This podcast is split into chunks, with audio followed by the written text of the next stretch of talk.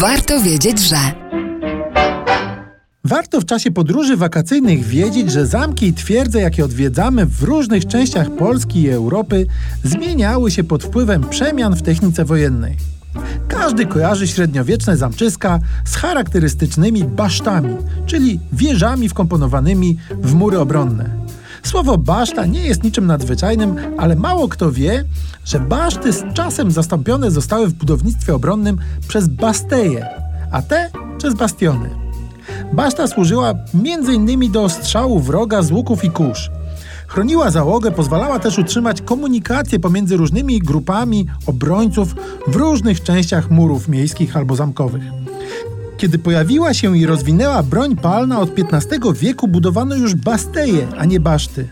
Basteja to budowla obronna, najczęściej półokrągła, równa z murami, choć wysunięta poza linię murów obronnych. Była obszerniejsza niż baszta, ale niższa. Dlatego, że przeznaczano ją do umieszczania stanowisk dla dział, które z boków mogły ostrzeliwać wojska nacierające na mury. Dział takich do baszty oczywiście zmieścić by się nie dało. Mniej więcej 100 lat później zaczęto Basteje zastępować bardziej zaawansowaną formą architektury obronnej, czyli bastionami. To były potężne, najczęściej pięcioboczne budowle obronne, daleko wysunięte poza linię głównego muru.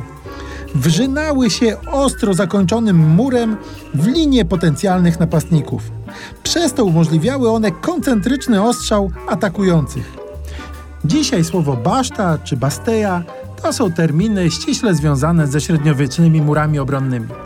Natomiast kiedy mówimy ostatni bastion, to wiemy, że chodzi o pozycje naprawdę trudne do zdobycia.